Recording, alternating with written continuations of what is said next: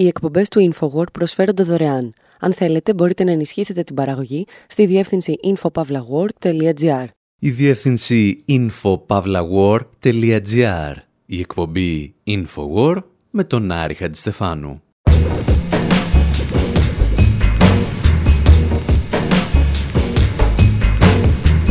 όπου σήμερα συλλαμβάνουμε 10 πρώην Προέδρους των Ηνωμένων Πολιτειών και ακούμε και ένα τραγουδάκι για τον καθένα.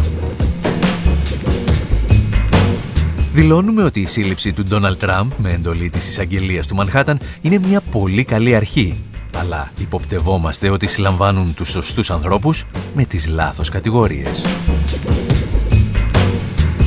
Επιστρέφουμε στα χρόνια του Ulysses Grant, όταν ένας πρώην σκλάβος συνέλαβε έναν πρόεδρο για υπερβολική ταχύτητα σε ένα όχημα με υποδύναμη δύο ύπων.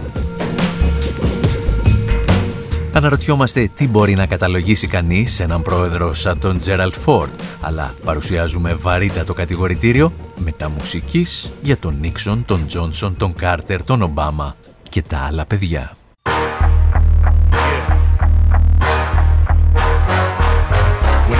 the mic, it hit the floor like Thor. That's right.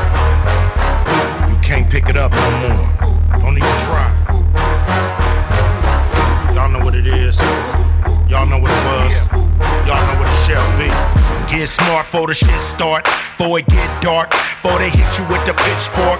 Better crip walk. Crip this is real talk. Smoke push, ambush, then we peel off. Niggas still rolling with the wheels off. Always looking out for the crisscross. I'm a bigger boss than Rick Ross. Always winning. Nigga, get lost. It's the warlord. Bring the voodoo. When I bail through, it's crazy like Bellevue. What they tell you? Leave that boy alone. Like Home Alone. Yeah. Fuck a skull and bone. Arrest the president. You got the evidence. That nigga is Russian intelligence. Okay. When it rains, it pours.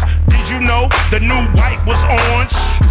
Boy, you're showing your horns. They trying to replace my halo with thorns. You so basic with your vape stick. Let's go ape shit in the matrix. Arrest the president. Arrest the president. Arrest the president. You got the evidence. Arrest the president. Arrest the president. Arrest the president. You got the evidence. I took back my ice in all black tonight. That's right, some niggas gotta... Από το 2017, ο Ice Cube ζητούσε μετεπιτάσεως να συλλάβουν τον πρόεδρο των Ηνωμένων Πολιτειών, καθώς είχαν λέει όλα τα αποδεικτικά στοιχεία της ενοχής του και αναφερόταν φυσικά στον Ντόναλτ Τραμπ.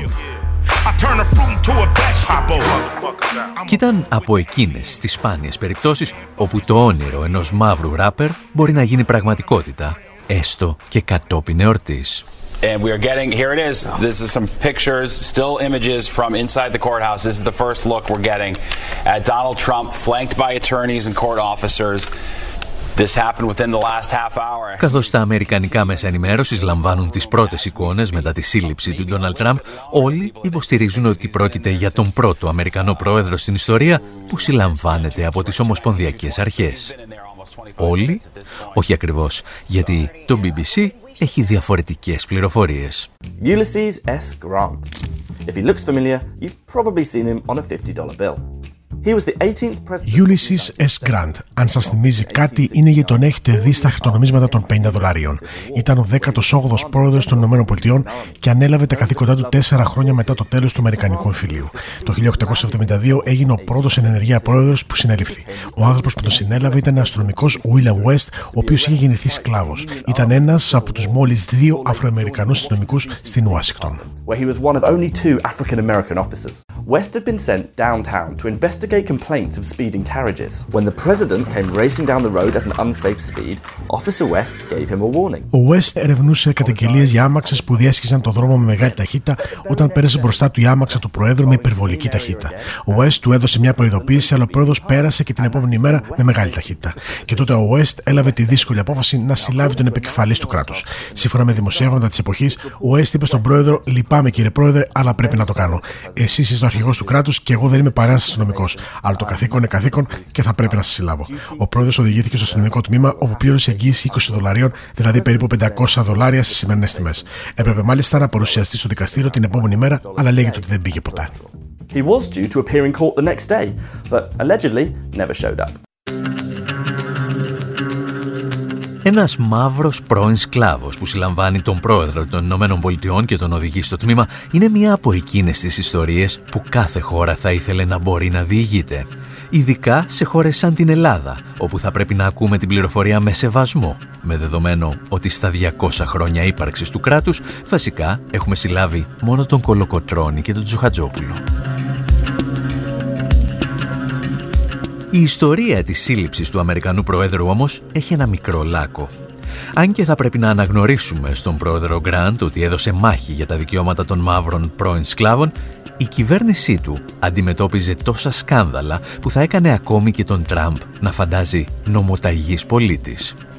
Το γεγονός λοιπόν ότι αντί να τον συλλάβουν για τα σκάνδαλα, τον συνέλαβαν γιατί ξεπέρασε το όριο ταχύτητας με μία άμαξα, μάλλον δεν αποτελεί την καλύτερη απόδειξη για την εύρυθμη λειτουργία των Αμερικανικών θεσμών. Και αυτό ακριβώς είναι το πρόβλημα με τις διώξεις που κατά καιρούς ξεκινούν ή θα μπορούσαν να ξεκινήσουν εναντίον Αμερικανών Προέδρων. Πάντα αφορούν δευτερεύουσα σημασίας πτέσματα. Γι' αυτό και εμείς σήμερα σκεφτήκαμε να ετοιμάσουμε το κατηγορητήριο 10 προέδρων και να αφιερώσουμε ένα τραγούδι σε κάθε περίπτωση.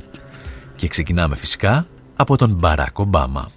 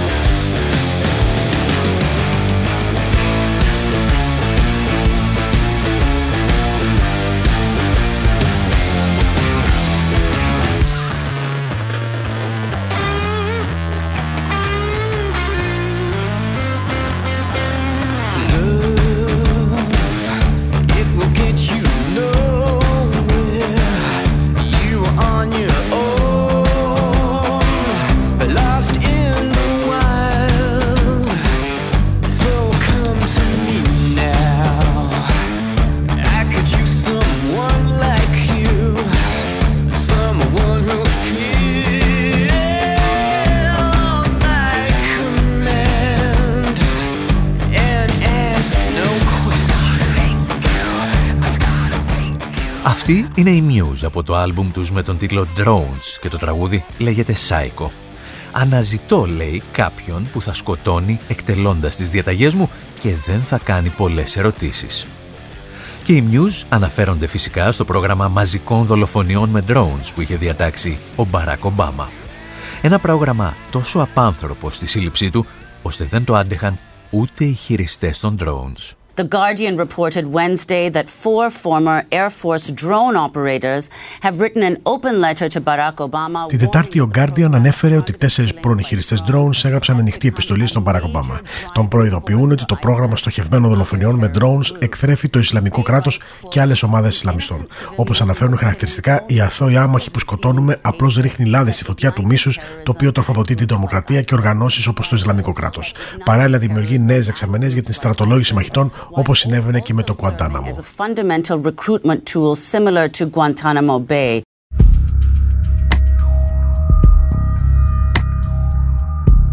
Ομολογουμένως, ο Μπαράκ Ομπάμα θα μπορούσε να συλληφθεί από ένα αληθινό διεθνές ποινικό δικαστήριο και για σειρά άλλων εγκλημάτων. Προς το τέλος της θητείας του παραδείγματος χάρη κατάφερε να βομβαρδίζει ταυτόχρονα 7 χώρες, ρίχνοντας 48.819 βόμβες, περίπου 2,7 βόμβες ανά ώρα. Θεωρήσαμε όμως ότι η κλιμάκωση της χρήσης των drones ήταν το σήμα κατά τεθέν του ή, όπως θα έλεγαν οι φιλελέοι υποστηρικτές του, ήταν η κίνηση με την οποία έκανε disrupt την αγορά του θανάτου. Εμείς πάλι συνεχίζουμε ευθύς αμέσως με τον προκάτοχό του.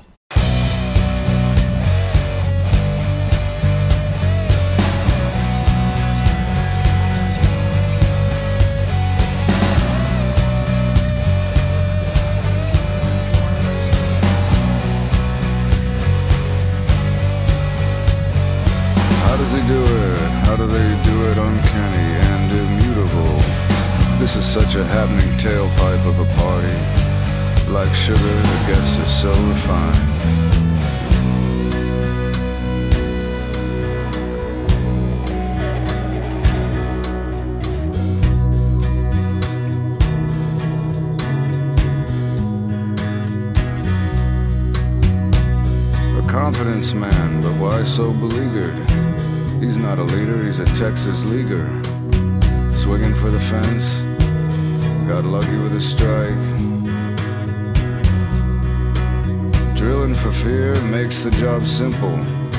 Μόνο θερχείτε τριβολε.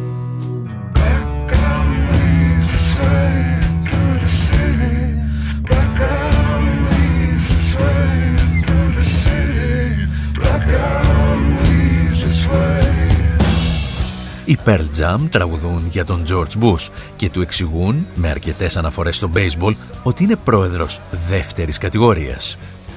Προφανώς, ο Αμερικανός πρόεδρος, που ευθύνεται για το θάνατο περίπου ενός εκατομμυρίου Ιρακινών πολιτών, δεν χρειάζεται περισσότερες συστάσεις.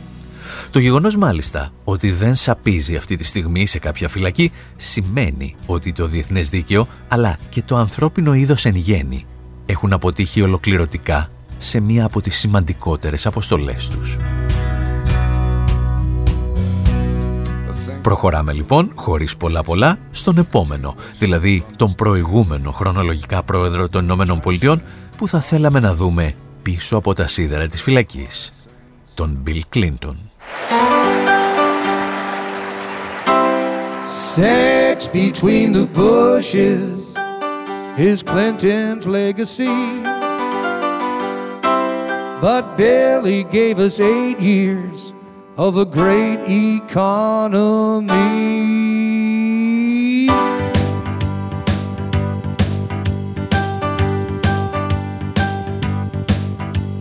Reagan had us begging, but it ain't all his fault. The inflation in this nation had to come to a halt. My wife and I are busted, but we don't care a bit. Cause as long as I have a face, she'll have a place to sit. If we work a little harder and get paid a little less, we can blame it all on Carter and eliminate this mess. My wife and I are busted, but we don't care a bit. Cause as long as I have a face, she'll have a place to sit. Sex between the bushes is Clinton's legacy. But Billy gave us eight years of a great Ο Yankee Jack τραγουδά το Sex Between the Bushes, το οποίο ομολογουμένως είναι ένα συμπαθητικό λογοπαίχνιο, αφού θα μπορούσε να σημαίνει σεξ ανάμεσα στους θάμνους, αλλά στην πραγματικότητα αναφέρεται στο σκάνδαλο Λεβίνσκι, το οποίο σημάδεψε την Προεδρία Κλίντον ανάμεσα στην Προεδρία του George Bush του πρεσβύτερου και του George Bush του νεότερου. Now, Billy got a BJ. Ο Κλίντον, λέει το τραγούδι, θα μείνει στην ιστορία γιατί έκανε σεξ ανάμεσα στους Μπούς, αλλά στην πραγματικότητα μας χάρισε 8 χρόνια ακμάζουσας οικονομίας. Το οποίο είναι πάνω κάτω αυτό που θα ήθελα να θυμόμαστε για την Προεδρία Κλίντον. Να ξεχάσουμε δηλαδή το βομβαρδισμό της Ιουγκοσλαβίας, του Ιράκ, του Σουδάν και την αποτυχημένη επιχείρηση στη Σομαλία. Να ξεχάσουμε επίσης ότι ο προαγωγός και βιαστής ανηλίκων Τζέφρι Επστίν είχε επισκεφθεί 18 φορές το Λευκό Οίκο και είχε προσκαλέσει 4 φορές τον Κλίντον στο προσωπικό του αεροσκάφος. Για όλες αυτές τις υποθέσεις κάποιος θα έπρεπε να έχει συλλάβει τον 42ο πρόεδρο των Ηνωμένων Πολιτειών. Και όσο δεν το κάνουν, εμείς προχωράμε στον 41ο, τον George Bush τον πρεσβύτερο, ο οποίος δυστυχώς πέθανε πριν από τη σύλληψή του.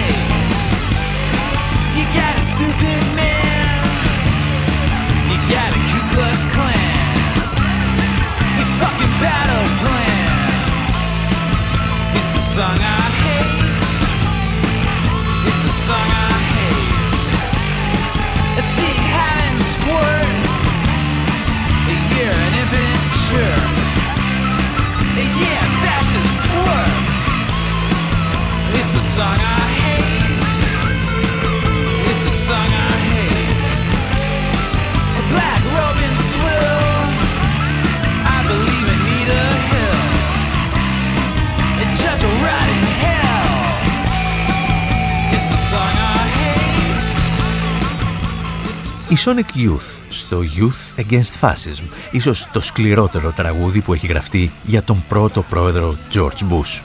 Τον συγκρίνουν με τους Ναζί και την Ku Klux Klan και τον αποκαλούν War Pig Fuck. Οι περισσότεροι θυμούνται τον πατέρα Μπούς για τον πρώτο πόλεμο του Περσικού κόλπου και τη σφαγή στο λεγόμενο αυτοκινητόδρομο της Βασόρας. Ίσως το μεγαλύτερο έγκλημα πολέμου από το τέλος του Δευτέρου Παγκοσμίου Πολέμου. Το οποίο είναι άδικο, γιατί ο ίδιος ξεκίνησε τη δολοφονική σταδιοδρομία του ήδη από το 1961, όταν λέγεται ότι είχε μια επιχείρηση βιτρίνα της CIA με την οποία ενεπλάκη στην αποτυχημένη εισβολή στον κόλπο των Χείρων, στην Κούβα. Εκεί όμως που απέδειξε το μεγαλείο της αμερικανικής εξωτερικής πολιτικής ήταν στην εισβολή στον Παναμά. Αφού ως διευθυντής της CIA συνεργάστηκε με έναν από τους μεγαλύτερους εμπόρους ναρκωτικών της χώρας, τον Μανουέλ Νοριέγκα, όταν έγινε πρόεδρος, εισέβαλε για να τον ανατρέψει και να τον συλλάβει. Ο λόγος για τις λεπτομέρειες στο Democracy Now! President Bush's death has dominated the news for days. Little attention has been paid to the defining event of Bush's first year in office. Ενώ ο θάνατος του Προέδρου Μπούς κυριαρχεί εδώ και μέρες στην επικαιρότητα, λίγη έμφαση έχει δοθεί στο πιο χαρακτηριστικό γεγονός του πρώτου χρόνου της Προεδρίας του, την εισβολή στον Παναμά. Στις 19 Δεκεμβρίου 1989, ο Μπούς έστειλε δεκάδες χιλιάδες στρατιώτες στον Παναμά, θεωρητικά για να εκτελέσει ένα ένταλμα σύλληψης του ηγέτη της χώρας, Μανουέλ Νοριέγκα, με την κατηγορία της παράνομης διακίνησης ναρκωτικών. Ο Νοριέγκα είχε υπάρξει στενός σύμμαχος της Ουάσιγκτον και πληρωνόταν από τη CIA. During the attack, the U.S. unleashed a force of 24,000 troops equipped with highly sophisticated weaponry and air. Κατά τη διάρκεια της επίθεσης, οι ΗΠΑ έστειλαν δυνάμεις 24.000 στρατιωτών με εξελιγμένο οπλισμό και αεροσκάφη εναντίον μιας χώρας της οποίας ο στρατός ήταν μικρότερος από το αστυνομικό τμήμα της Νέας Υόρκης. Περίπου 3.000 άτομα σκοτώθηκαν από την επίθεση του Παναμά. Όμως ο πόλεμος δεν προβλήθηκε καθόλου από τα Αμερικάνικα μέσα ενημέρωσης.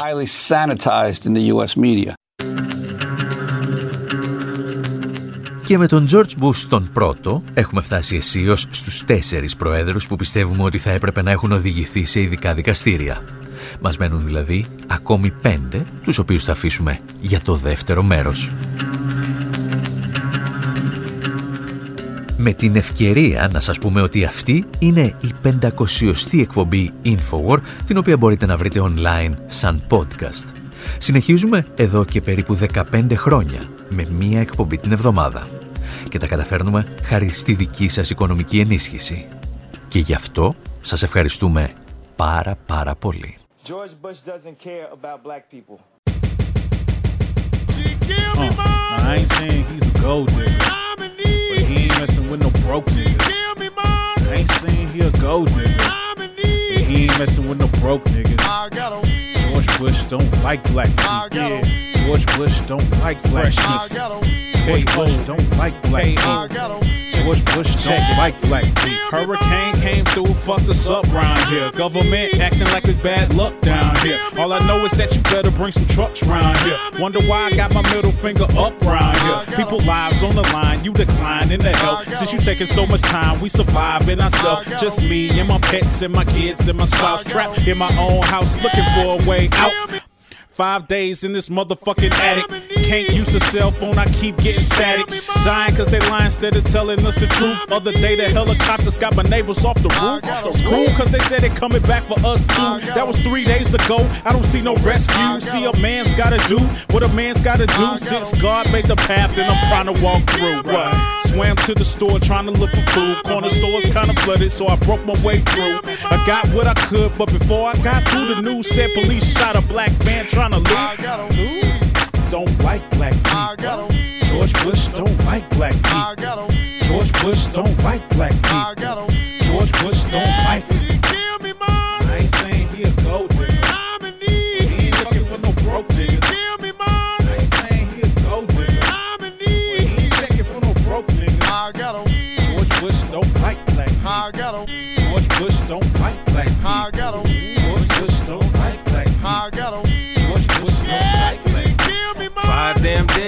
Five long days, and at the end of the fifth, he's walking in like, hey, Chillin' on his vacation, sitting patiently. Them black folks gotta hope, gotta wait and see if FEMA really comes through in an emergency. But nobody seems to have a sense of urgency. Now the mayor's been reduced to crying. I guess Bush said niggas been used to dying.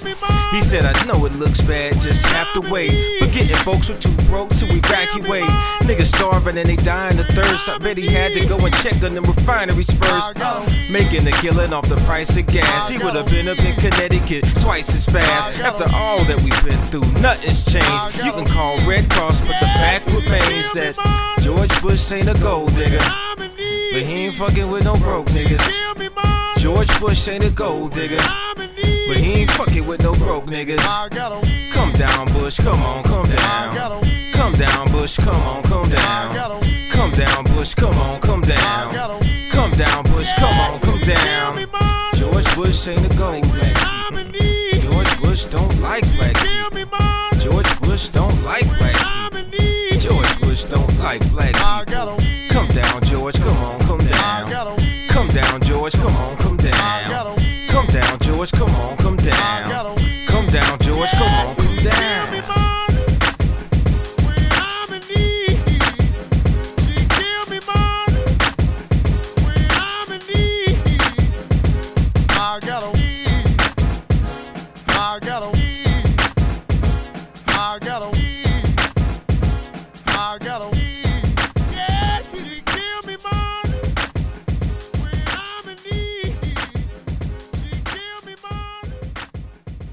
Οι εκπομπές του InfoWord προσφέρονται δωρεάν. Αν θέλετε μπορείτε να ενισχύσετε την παραγωγή στη διεύθυνση infopavlagor.gr.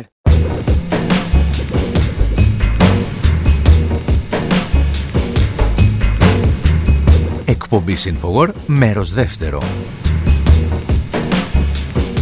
Όπου συνεχίζουμε να ακούμε τραγουδάκια για Αμερικανούς πρώην πρόεδρους που προηγήθηκαν του Ντόναλτ Τραμπ και τους οποίους θα θέλαμε να δούμε στη φυλακή.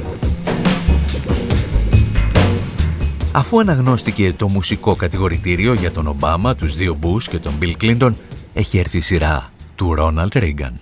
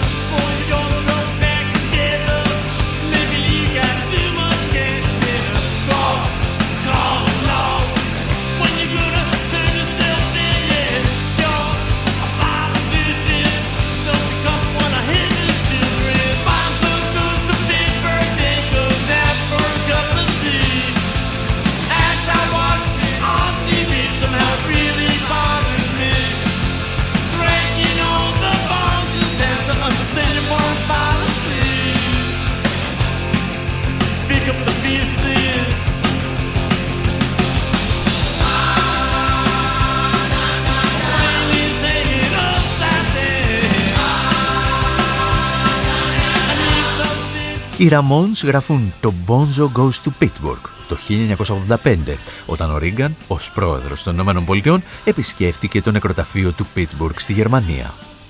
Όπου στο Pittsburgh, εκτός από απλούς στρατιώτες της ναζιστικής Γερμανίας, έχουν θαμένους και 49 αξιωματούχους των SS. Μια όχι και τόσο εθιμοτυπική κίνηση Αμερικανού Πρόεδρου στην πρώτη του επίσκεψη στη Γερμανία.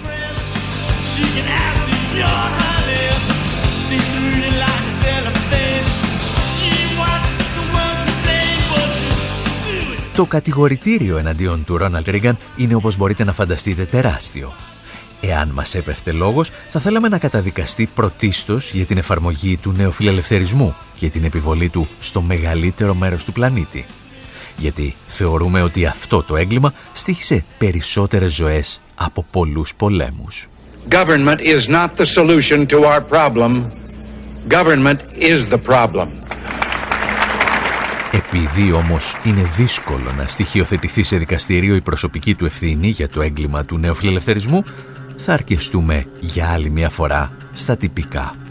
στον εξοπλισμό των Μουτζαχεντίν στο Αφγανιστάν, στην εμπλοκή τους στον πόλεμο Ιράν-Ιράκ, στην εισβολή στη Γρενάδα, στον βομβαρδισμό της Λιβύης, στην εμπλοκή τους στην Νότια Αμερική με πρόσχημα τον πόλεμο κατά των ναρκωτικών και φυσικά στη στήριξη των παραστρατιωτικών ταγμάτων εφόδου των Κόντρας στην Ικαράγουα. Ίσως η πιο ενδιαφέρουσα αποκάλυψη όμως των τελευταίων εβδομάδων είναι ότι ο Ρίγκαν στράφηκε και εναντίον Αμερικανών πολιτών και μάλιστα των διπλωματών που κρατούνταν όμοιροι στην Αμερικανική πρεσβεία στην Τεχεράνη για 444 ημέρες. Σύμφωνα με στοιχεία των New York Times, ο Ρίγκαν φέρεται να ήρθε σε επαφή με το καθεστώς της Τεχεράνης το 1979 ώστε να καθυστερήσει η απελευθέρωση των ομήρων και να χρεωθεί το πολιτικό κόστος ο Τζίμι Κάρτερ πριν από τις εκλογές. Για αυτό το θέμα όμως θα ετοιμάσουμε μία άλλη εκπομπή. Προς το παρόν μπορούμε απλώς να περάσουμε στα εγκλήματα του Τζίμι Κάρτερ.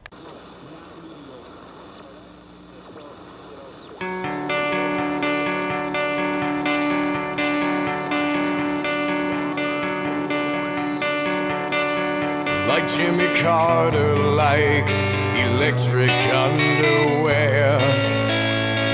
Like any idea that never had a chance to go anywhere. This is who you are, a celebrity who drives off a bridge in a car. Your beautiful body filling up with water.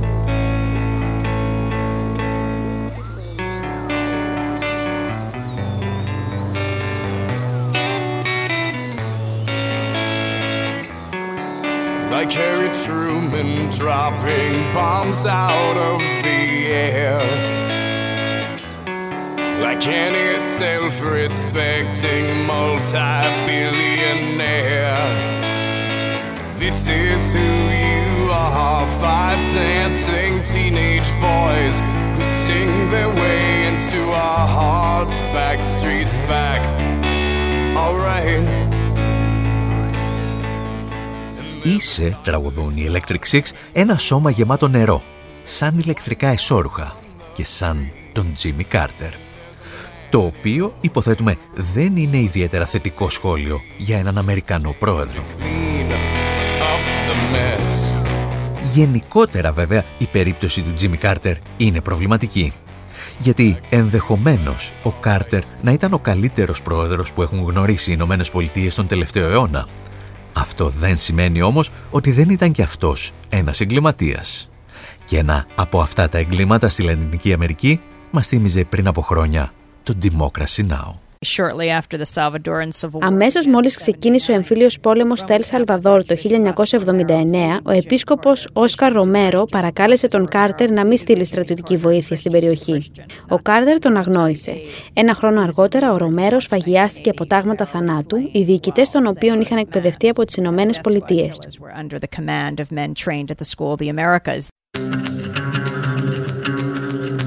Η αλήθεια είναι ότι μετά την απομάκρυνσή του από την Προεδρία, ο Κάρτερ βρέθηκε αρκετές φορές στη σωστή πλευρά της ιστορίας.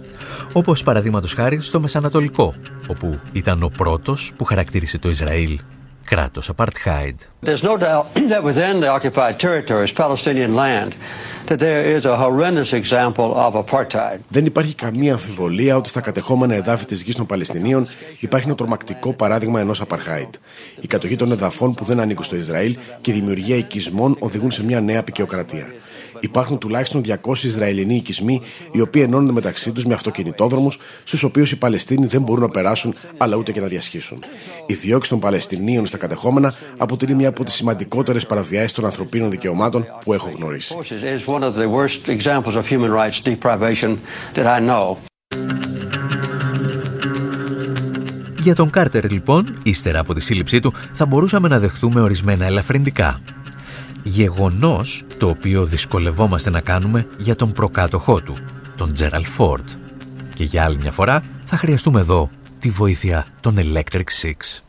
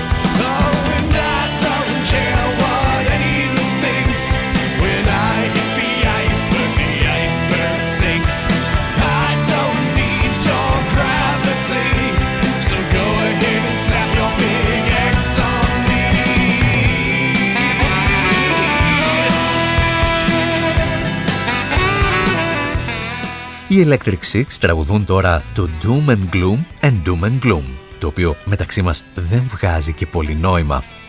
Ο τραγουδιστής επικοινώνησε, λέει, με τον Ford μέσω μιας πλακέτας Ouija. Τις πλακέτες που χρησιμοποιούν δηλαδή όσοι νομίζουν ότι επικοινωνούν με πνεύματα. Και αυτό είναι ίσως το πιο συναρπαστικό που έχει υποθεί ποτέ για τον Τζέραλ Φόρντ. Ο Φόρντ υπήρξε πρόεδρος και αντιπρόεδρος των ΗΠΑ από καθαρή τύχη ή, για την ακρίβεια, λόγω της ατυχίας κάποιων άλλων. Το Δεκέμβριο του 1973 ανέλαβε τα καθήκοντα του αντιπροέδρου των ΗΠΑ επειδή παρετήθηκε ο Σπύρο Άγνιου. Και έναν χρόνο αργότερα ανέλαβε την προεδρία όταν παρετήθηκε ο Ρίτσαρντ Νίξον. Ήταν δηλαδή ο άνθρωπος που ανέλαβε τα δύο υψηλότερα πολιτικά αξιώματα στον πλανήτη χωρίς κανείς να τον εκλέξει για αυτά και χωρίς καν να το επιδιώξει ο ίδιος. Ήταν ο Φόρεστ Γκάμπ των Αμερικανών Προέδρων. Ακόμη και οι επιτυχίες ή οι αποτυχίες του δεν αφορούσαν άμεσα τον ίδιο. Ο Φόρτ ήταν ο πρόεδρος, στα χρόνια του οποίου οι Ηνωμένες Πολιτείες ταπεινώθηκαν από τους αντάρτες του Βιετνάμ χωρίς αυτός να κάνει τίποτα για να το προκαλέσει ή να το αποτρέψει. Παρ' όλα αυτά, η ανθρωπότητα δεν θα του συγχωρέσει ποτέ ότι έφερε σε κυβερνητικές θέσεις κλειδιά δύο άλλους εγκληματίες, τον Ντίκ Τσένι και τον Ντόναλτ Ράμσφελτ. Όπως επίσης δεν μπορεί κανείς να του συγχωρέσει ότι προσέφερε χάρη στον Ρίτσαρντ Νίξον για το σκάνδαλο του Watergate. Και με αυτό περνάμε φυσικά στον πρόεδρο των προέδρων, τον Νίξον.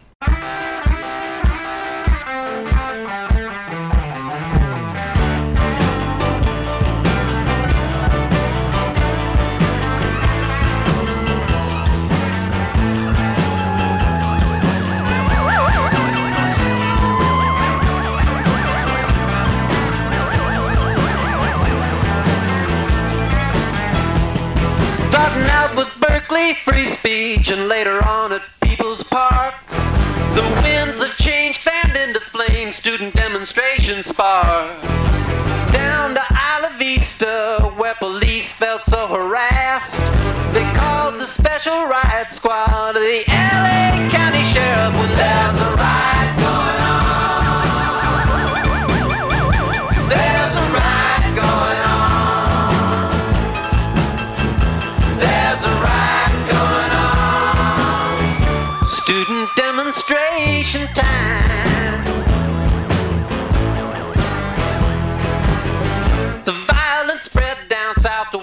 Jackson State brother Learn not to say nasty things about Southern policemen's mother. Nothing much was said about it, and really next to nothing done. The pen is mightier than the sword, but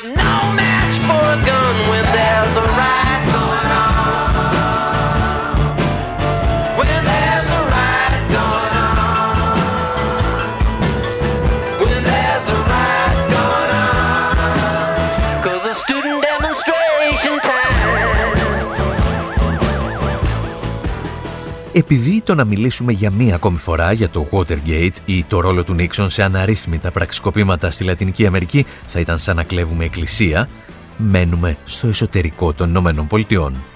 Έχουμε επιστρέψει στο 1970 με τους Beach Boys ίσως στην πιο πολιτική στιγμή της καριέρας τους. Τραγουδούν για τη λεγόμενη σφαγή της 4ης Μαΐου του 1970, όταν η εθνοφρουρά του Οχάιο πυροβολεί και σκοτώνει τέσσερις άοπλους φοιτητές που συμμετείχαν σε μια διαδήλωση για το Βιετνάμ και την Καμπότζη. Προκειμένου να αντιμετωπίσει τους φοιτητές στο Πανεπιστήμιο του Κέντ, ο κυβερνήτης της πολιτείας, ακολουθώντας τη γραμμή που είχε χαράξει ο Νίξον, είχε καλέσει την εθνική φρουρά.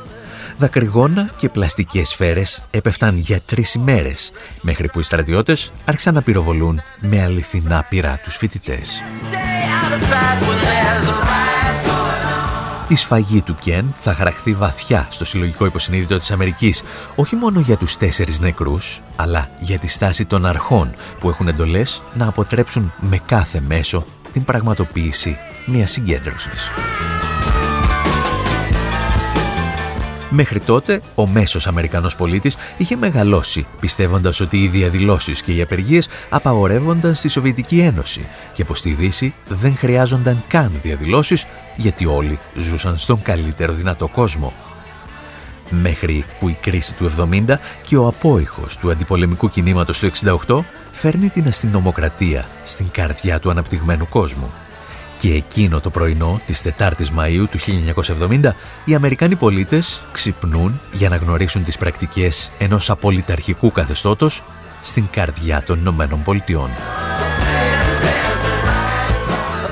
Αυτό το συγκρουσιακό κλίμα βέβαια της νεολαίας με το Λευκό Οίκο είχε ξεκινήσει μερικά χρόνια νωρίτερα, επί προεδρίας του Λίντον Τζόνσον.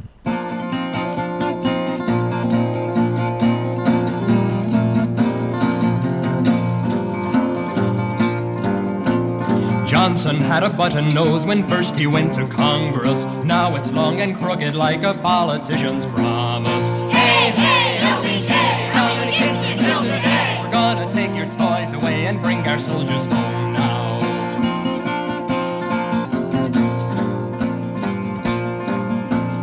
LBJ tries every way to make our country prosperous. He fights rural poverty with CBUs and phosphorus. Hey,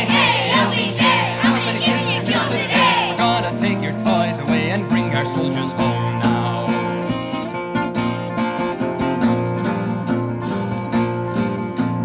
LBJ wants black folks too to do some extra dying, So he calls on Uncle Roy to keep the colors flying. Hey, hey, LBJ, how many kids did you kill today? We're gonna take your toys away and bring our soldiers home. Αν και μουσικά μάλλον απαράδεκτο, το συγκεκριμένο τραγούδι του Tom Paxton είναι από τα σκληρότερα που έχουν γραφτεί για τον πόλεμο του Βιετνάμ και συγκεκριμένα για τον Lyndon Baines Johnson, γνωστό και ως LBJ. Το ρεφρέν του τραγουδιού περιορίζεται στην πολύ απλή ερώτηση «Πόσα παιδιά σκότωσε σήμερα, LBJ» και περιγράφει τους μαζικούς βομβαρδισμούς χωριών στο Βιετνάμ. LBJ had tea today with Ruther Morse and Meany.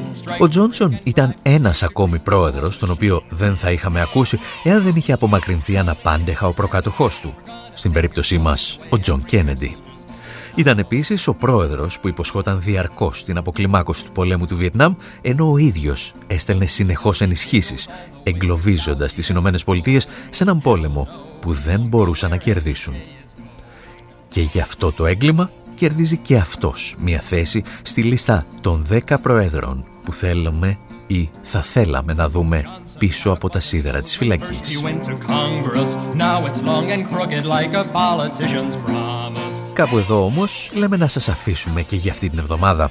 Να σας θυμίσουμε ότι όλες μας τις εκπομπές μπορείτε να τις βρίσκετε και στη διεύθυνση info.pavlawar.gr και υπάρχουν πλέον 500 αποδάφτες διαθέσιμες στο site μας. Prosperous. He fights rural poverty with CBUs and Μέχρι πάντως την επόμενη εβδομάδα, από τον Άρχα Στεφάνου στο μικρόφωνο και τον Δημήτρη Σταθόπουλο στην τεχνική επιμέλεια, γεια σας και χαρά σας.